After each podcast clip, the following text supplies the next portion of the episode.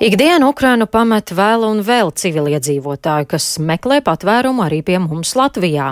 Nav zināms, vai un kad viņi varēs atgriezties savās mājās, jo karš turpinās. Tas ietekmē drošības situāciju arī citviet Eiropā, sevišķi Eiropas austrumu robežas valstīs. Un par iekšējās drošības situāciju Latvijā, tuvojoties arī pretrunīgi vērtētam piemiņas datumam un par Ukraiņu bēgļiem, sarunāšos ar iekšlietu ministrijas parlamentāro sekretāru Dimitriju Trofīmovu. Esam sazvanījušies klausāties. Labrīt! Sveicināti ar valsts sekretāru precizējums. Jā, ar valsts sekretāru. Vai ir skaidrs, cik daudz ukraiņu bēgļu šobrīd ir Latvijā ienākuši? Šobrīd vairāk kā 2000 ir vērsušies pēc dokumentu noformēšanas. Ap tūkstots personu ir izmitināti pateicoties valsts ugunsdzēsības un glābšanas dienesta, valsts robežsardzes un visu pašvaldību kopīgi izstrādātajiem algoritmam. Turpinās, protams, gan šo pieteikumu pieņemšana un izskatīšana, gan sociālo atbalstu pašvaldībās, gan bērnu pieteikšanai skolās un bērnu dārzos. Mm, e, sākotnēji mēs e, tā kā tika prognozēts, ka Latvija varētu uzņemt desmit, tūkstā, tūk, desmit tūkstošus ukraiņu bēgļu. E, cik reāls ir šis sākotnēji nosauktais skaits, vai tomēr būs jārēķinās, ka nāksies uzņemt krietni vien vairāk nekā paredzēts? Jā, nu, situācija skaidrs ir ļoti dinamiska un tā ir atkarīga noteikti no arī šīs uh, šī, šī militārā apdraudējuma attīstības un, un turpināšanās. Mēs rēķinamies ar to, ka šīs cilvēku skaits, protams, būs uh, lielāks nekā viņš ir šobrīd.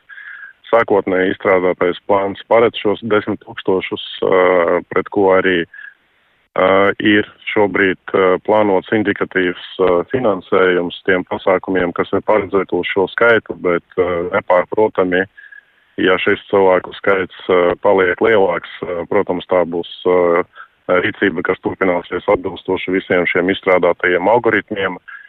Sēsdien valdība pieņēma un atbalstīja svarīgus ekonomikas ministrijas noteikumus par tādu skaidrību attiecībā uz finansējumu piešķiršanu izmitināšanai, neatkarīgi no tā, vai tā ir kāda turista mītne vai uh, attiecīgi pašvaldībai piedaroša kāda dienesta viesnīca vai tā skaitā arī kāda dzīvokļa izmantošana. Šīs pilnīgi noteikti noliek tādu lielāku skaidrību attiecībā arī uz pieejamā resursa izmantošanas iespējām. Mm. Kādas mums ir tās iespējas uh, vēl izmitināt un uzņemt uh, ukraiņu bēgļus Latvijā, vai no pašvaldībām ir gana iesaista jūtama? Šobrīd pašvaldība noziņotais vietu skaits attiecībā uz izmitināšanu un kopā ar ēdināšanu vairāk kā 6000, bet ir pilnīgi skaidrs, ka papildus šim, šim resursam tiek izmantot šobrīd arī tas resurs, ko piedāvā arī privātās maisaimniecības, kur cilvēki arī atrod pajumti, varbūt nevēršoties šobrīd pēc šī primārā atbalsta nepieciešamības. Tāpēc vēlreiz atbilstoši šī saita dinamikai, protams, mēs jau šobrīd preventīvi strādājam un gatavojam arī citus risinājumus, kas, ja tādi būs nepieciešami un aktuāli, tiks izmantoti. Un kādi ir šie citi risinājumi, ko vēl mēs esam gatavi piedāvāt?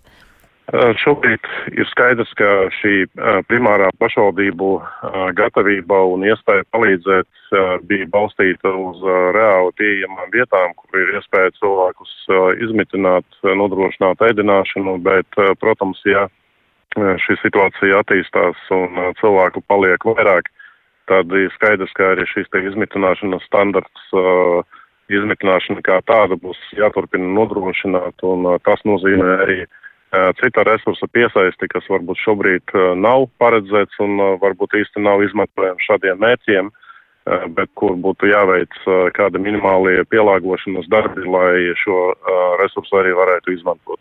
Šobrīd, kā es minēju, mēs runājam par šiem dažiem tūkstošiem cilvēku, kas jau ir skaidri vērsušies pēc dažādu veidu atbalsta saņemšanas izmitināšana, kā es minēju, tas ir ap tūkstoti. Šobrīd ir pieprasīts šis nu, atbalsts, tā kā jā, tas būs pārsniedzis to skaitu, uz ko mēs esam šobrīd gatavojušies, tad būs citi risinājumi. Mm.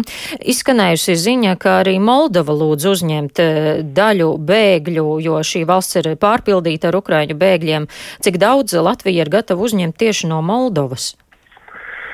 Jā, nu, visa mūsu uzņemšanas sistēma ir skaidrs, ka jebkurā valstī ir atkarīga no tām uzņemšanas spējām uz vietas, un šeit ir ļoti svarīga, protams, pašvaldības spēja fiziski to darīt, tāpēc bija ļoti svarīgs un skaidrs šis risinājums attiecībā uz izmitināšanas finansēšanu, jo tikai tādā veidā, protams, ir iespēja runāt, ka šo cilvēku skaitu, ko mēs būtu gatavi paņemt, ir iespēja arī izmitināt, jo šeit šīs ir savstarpēji saistīts jautājums un faktiski vēlreiz šī spēja uzņemt ir noteicoša pirms mēs dodamies pakaļ šiem cilvēkiem. Cik tad daudz Latvija būtu gatava uzņemt no Moldovas?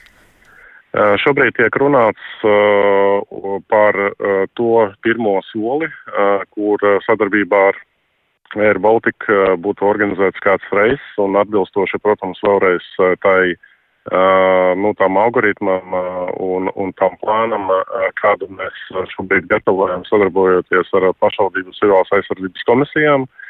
Mēs redzēsim, ka šīs plāns strādā un tad varēs turpināt tas iezīmētais skaits. Apmēram šobrīd izskanējas ap 500 cilvēkiem, bet vēlreiz tas būs atkarīgs no secīgās uh, pieejas no šīs soļu realizācijas, kas balstās primāri uz to, ka šos cilvēkus ir iespēja izmitināt un tādā veidā arī turpināt šo atbalstu sniegt. Bet pagaidām konkrēts skaitlis tā tad nav zināms, vai tie varētu būt 500 vai vairāk vai līdz 1000? Nu, apmēram 500 cilvēki šie ir iezīmētie, bet vēlreiz tas ir atkarīgs, tas būs mazāk vai vairāk no, no tām mūsu uzņemšanas spējām. Mm. Rīt būs 16. Eh, mārts eh, leģionāru piemiņas dienā, pretrunīgi vērtēts datums Latvijā. Kādas ir indikācijas? Vai šis datums paies mierīgi vai ņemot vērā situāciju ar karu Ukrainā varētu būt kādas provokācijas?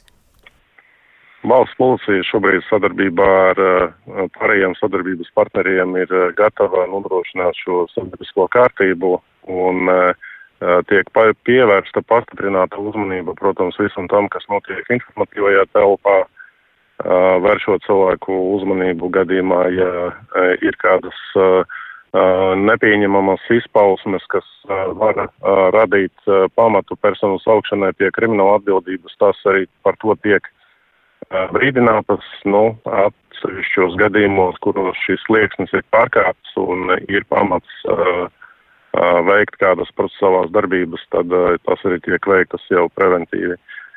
Citādi, kā es norādīju, atbilstoši plānam tiks nodrošināta šī sabiedriskā kārtība. Mm.